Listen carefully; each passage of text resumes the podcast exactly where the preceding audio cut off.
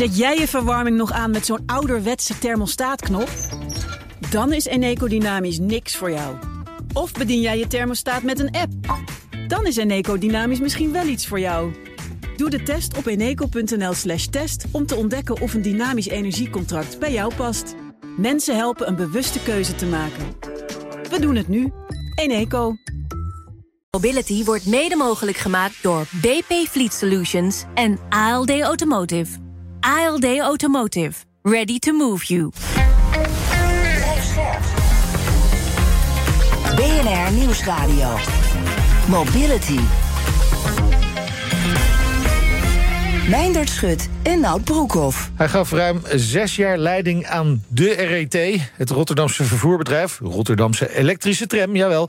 En dat waren zeker niet de makkelijkste jaren. Ja, corona, financiële gaten, personeelstekorten. Maar er is ook een lijn, de Hoekse lijn, Nou. eh, is eh, geopend. Dus onze gast heeft behoorlijk wat voor zijn kiezen gehad. Ja, en die gast die luistert naar de naam Maurice Unk.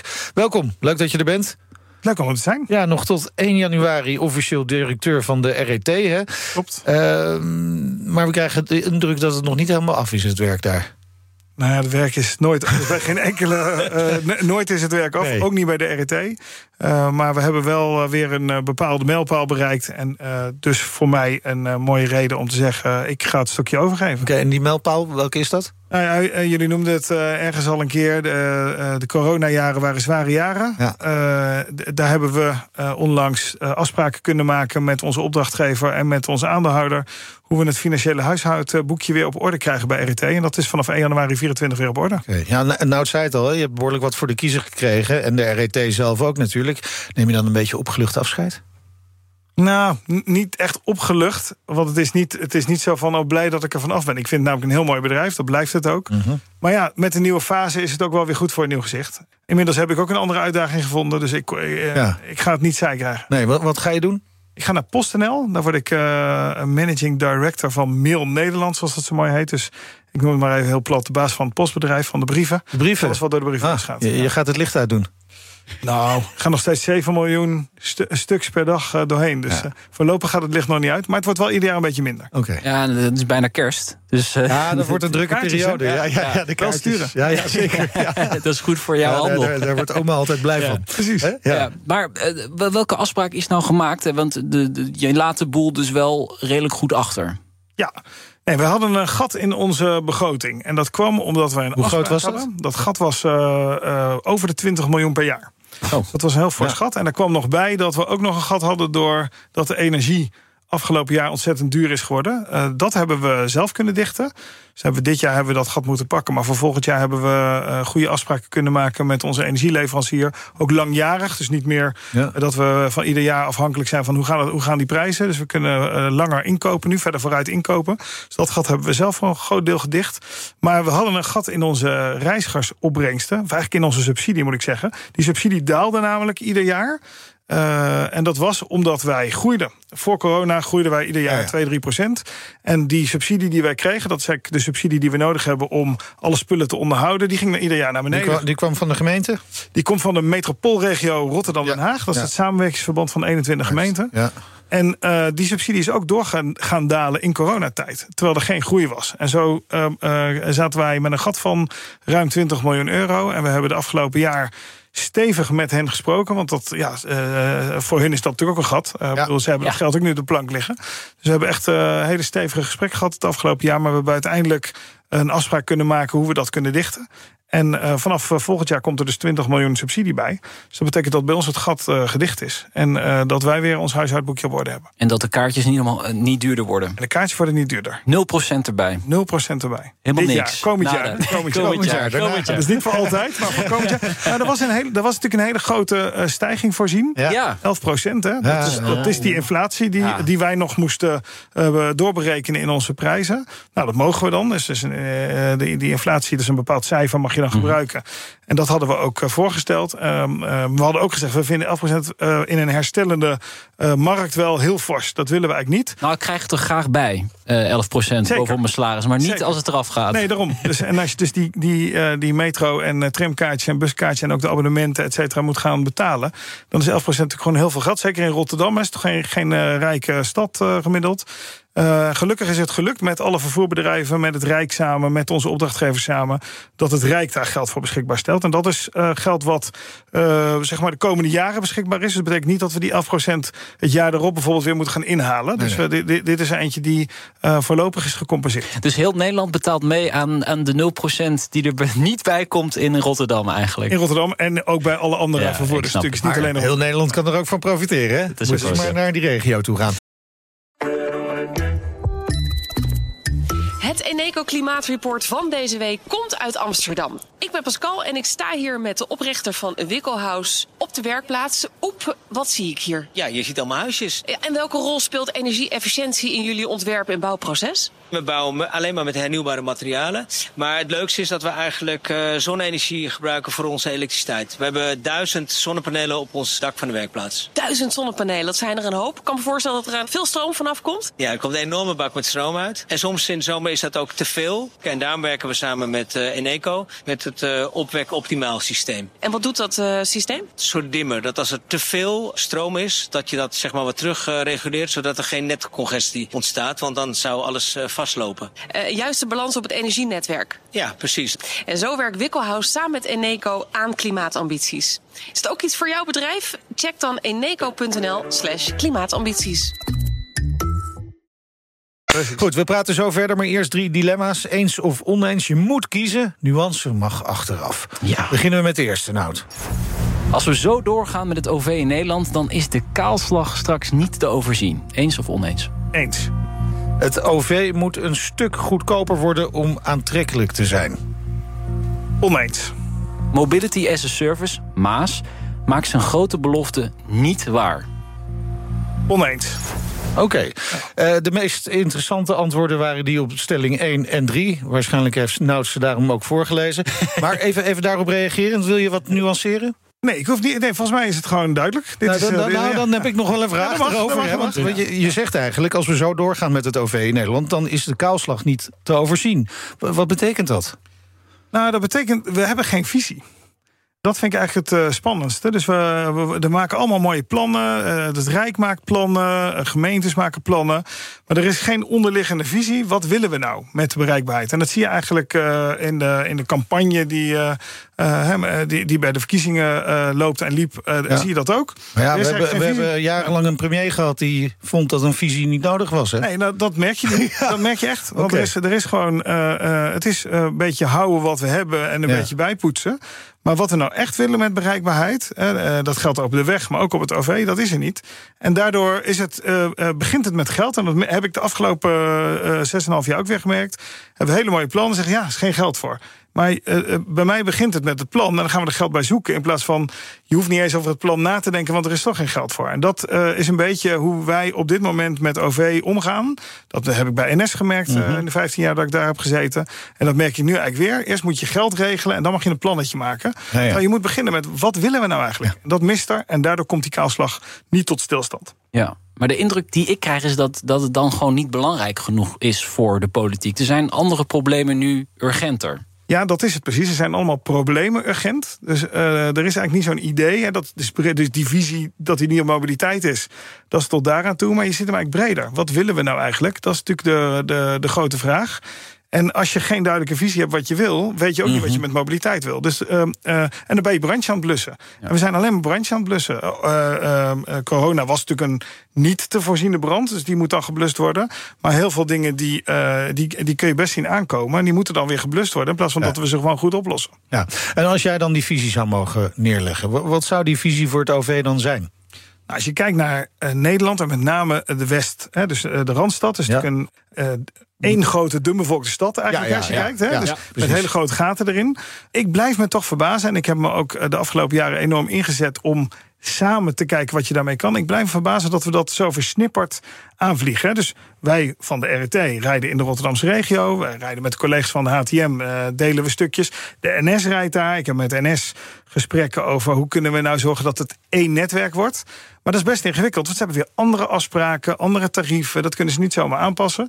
Nou, als we daar nou eens mee beginnen, laten we nou eens kijken naar die Randstad als één wat dun bevolkte stad Waar we zorgen dat het, uh, dat het netwerk helemaal op orde is. En wie het rijdt, boeit dan niet zoveel. Nee, dat want doen ze in Londen en Parijs. De consument ook, maakt het uiteindelijk, om het plat gezegd te zeggen, geen reet uit. Of die nou Eens. met de metro in Rotterdam rijdt of in Amsterdam. Nee, hij moet het gewoon doen. Ja. Uh, de kwaliteit moet op niveau zijn. Hij moet, uh, je moet erop kunnen rekenen. het moet een redelijke prijs zijn. Het moet aansluiten op andere dingen.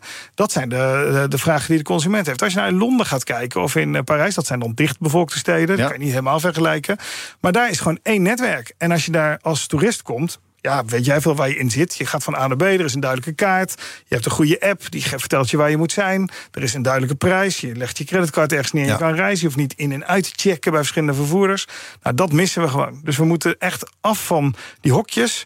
We moeten kijken naar wat is er nou nodig in OV. Dat geldt in de Randstad. Daar ga ik dan nu toevallig eh, ja. over een stukje over. Dus daarom weet ik daar wat meer van. Dat geldt natuurlijk ook voor de regio. En, en maak, maak er gewoon één product van. Ja, maar dit vereist veel meer. Want iedereen krijgt zijn concessie en dan mag hij daar rijden. En ja. dat hokjesdenken, dat, dat is nou typisch ook weer Nederland. Een beetje polderen. Iedereen, iedereen mag wat doen. Iedereen een stukje. Ja. Uh, ieder, ja. Iedere overheidslaagje heeft weer een dus, stukje ergens over te zeggen. Ja, dat klopt. Dit ga je niet zomaar even aanpakken. Nee, Nee, nee, dit is echt een ding van een lange adem, maar dat begint met een visie. Ja, daar zijn we weer. Precies. Ja. En dan begint met een beetje lef en over je schaduw heen stappen. Ik ja. merk dat er uh, in het OV in ieder geval, hè, door corona zijn we als bedrijven echt wel dichter bij elkaar gekomen. Daar willen we wel.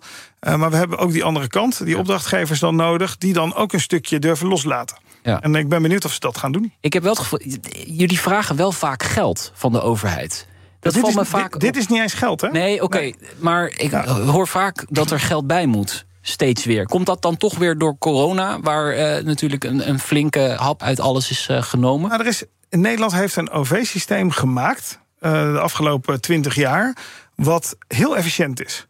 En dat betekent dat als er tegenvallers zijn, die bedrijven dat vet niet meer op de botten hebben om dat op te vangen. Dat is denk ik waar, die, waar wij ook die vraag uh, voor uh, steun in coronatijd, maar ook daarna, hè, wat, we, wat ik net, uh, waar ik net wat over vertelde bij RT, dat komt daar vandaan. Dus het, er is weinig vet op de botten. En er is weinig investeringsruimte in Nederland. En dat heeft iedereen, hè, want we hebben, we hebben nou eenmaal een rijk dat gaat over het geld in Nederland. Hè. De steden en de provincies hebben niet heel veel uh, eigen bestedingsruimte. Die moeten dat uit provinciefonds, gemeentefonds, et cetera halen. Ja. En het Rijk die bepaalt eigenlijk. Maar het Rijk heeft ook heel veel taken bij die provincies en die gemeentes neergelegd. Zonder daar voldoende geld bij te leveren. En daardoor heb je steeds die vraag naar het Rijk. Kom nou eens met geld over de brug, want we willen dit of we willen dat. Het Rijk zegt, je bouw uh, honderdduizenden woningen. Dan zeggen die provincie en de gemeente, dat willen we graag doen. Maar dan moeten we ook de bereikbaarheid regelen. Maar ja, jullie hebben ons het investeringsgeld niet gegeven. Ja. Mogen we dat dan ook even hebben? Dus dat is die onderhandeling tussen die bestuurslagen in Nederland. En, en daar komt denk ik dan uh, ook vandaan dat iedereen denkt... waarom vraagt nou het, het geld? Ja, omdat het nou eenmaal bij het Rijk zit. Daar moet je het vragen. Is er voldoende geld de komende nou, jaren? Als je uh, wil verdichten, en dat zijn we aan het doen... Hè, in Nederland zijn we de steden aan het verdichten. Je ziet het eh, letterlijk bij jullie onder studio ook gebeuren. Hè. Tien jaar geleden stonden er een aantal van die flats die hier nu wel staan, stonden er niet. Dat is in Rotterdam en Utrecht en Den Haag en andere steden niet anders. Als je verdicht, komt er meer vraag naar vervoer. Dat is voor het OV heel gunstig. Want ja. hoe meer mensen er op een kluitje wonen, hoe, hoe beter OV-netwerk je kan bouwen. Dan moet je ook wel de middelen krijgen om dat te bouwen. En, we, en dat krijg je beperkt. We hebben in Rotterdam natuurlijk gezien, in, in de jaren dat ik er zat, de Hoekse lijn is erbij gekomen. Dat verbindt weer een buitengebied met de stad. Waanzinnig populair. Er zitten hartstikke veel mensen in. Dus als het er helemaal ligt, wordt het heel goed gebruikt. Ja, afgelopen zomer ook. Honderdduizenden Rotterdammers lekker uh, met de metro naar het strand.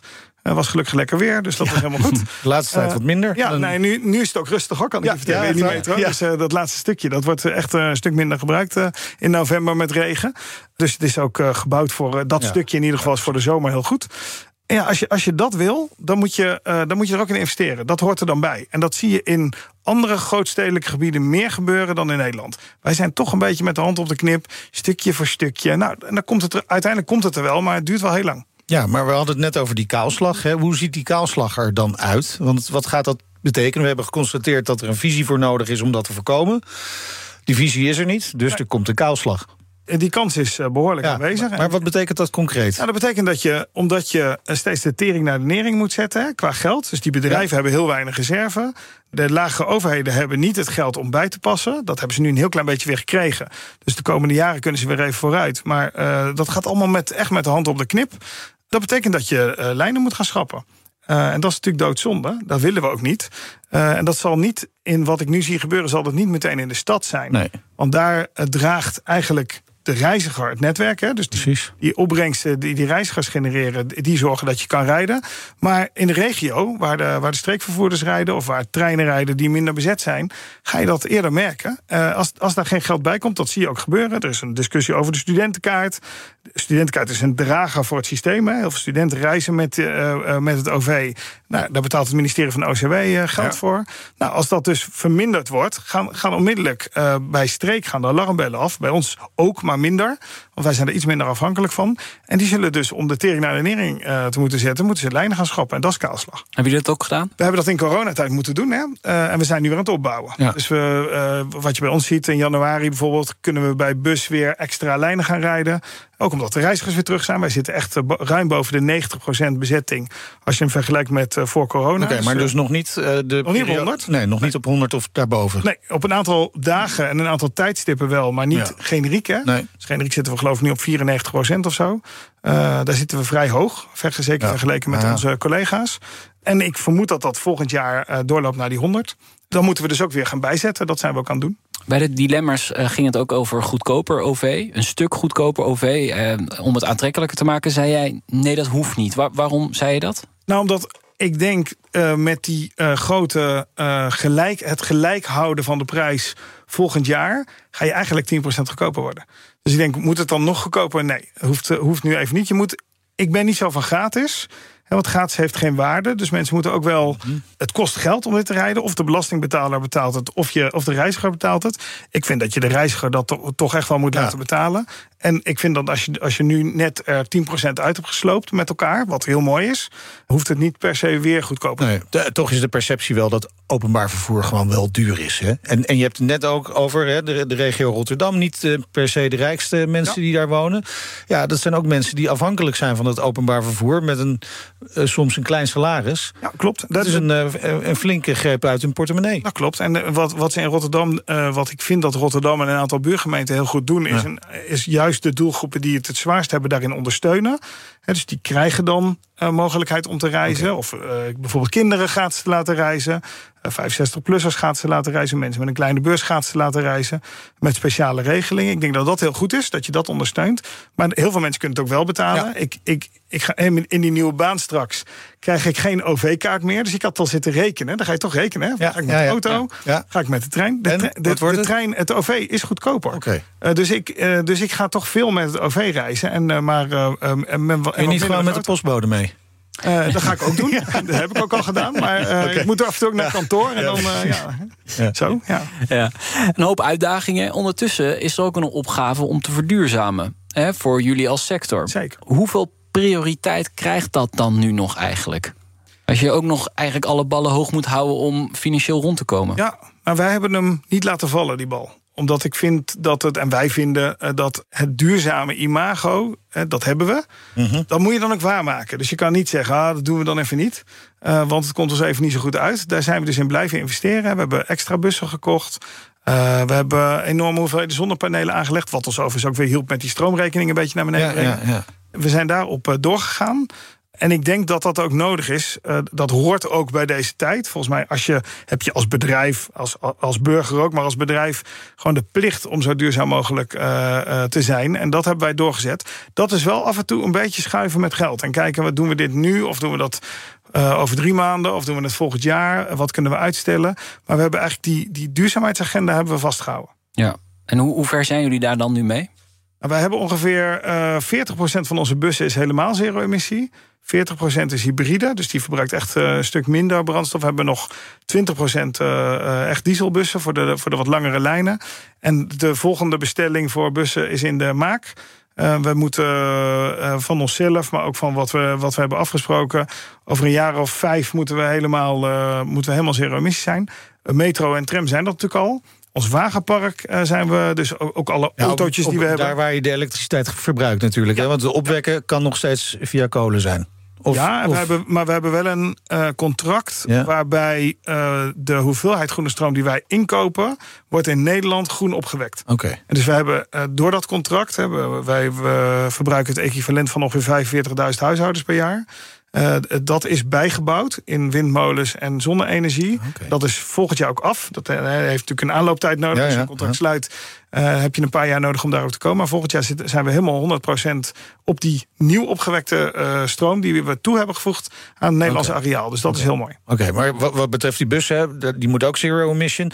Hoe gaan jullie dat doen? Wordt dat allemaal batterij-elektrische bussen... of gaan jullie bijvoorbeeld ook waterstof gebruiken? We hebben tot nu toe gekozen voor batterij-elektrisch. Die worden ook steeds beter in de zin van hè, hun actieradius wordt groter. Dus onze tweede generatie rijdt alweer eh, 60, 70 kilometer verder per dag op één eh, stroomlading dan, eh, dan de vorige. Eh, waterstof is niet uitgesloten, maar we hebben wel net een, een proef afgesloten waar we niet heel erg tevreden waren over de bussen die wij hebben gebruikt. Dus die hebben wij nu buiten gebruik gesteld.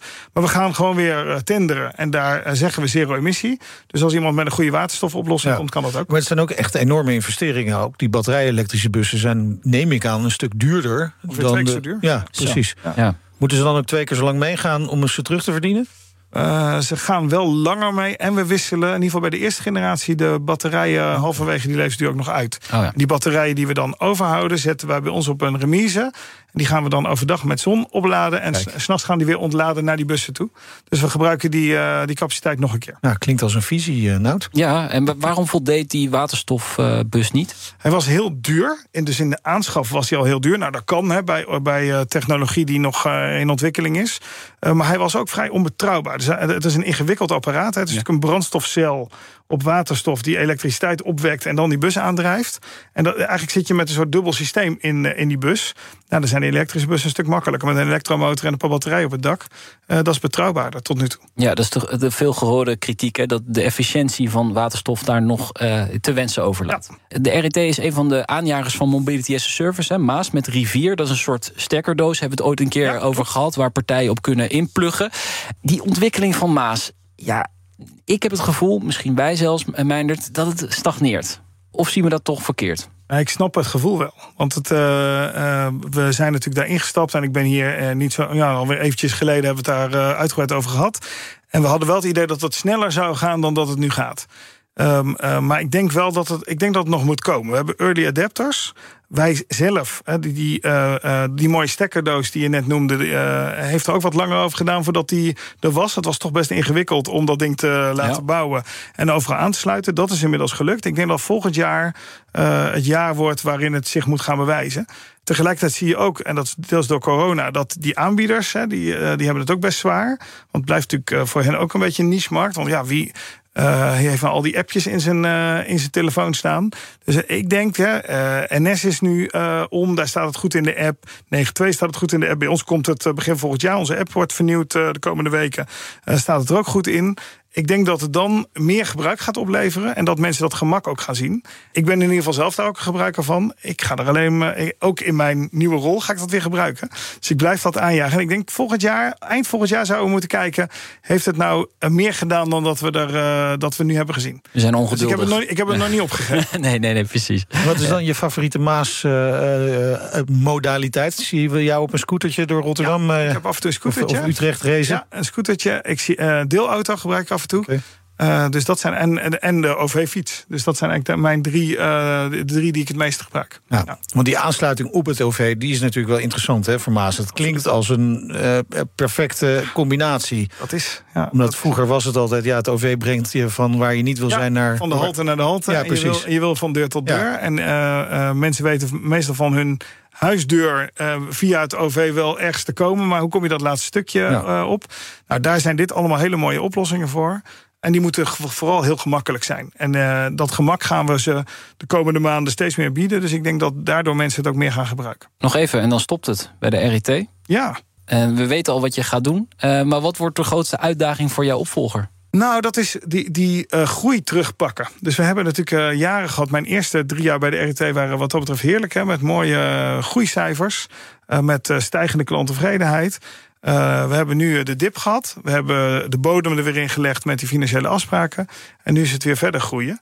Ik ben niet zo bang dat die groei niet komt. Maar het spannendste wordt genoeg mensen vinden om die groei te faciliteren.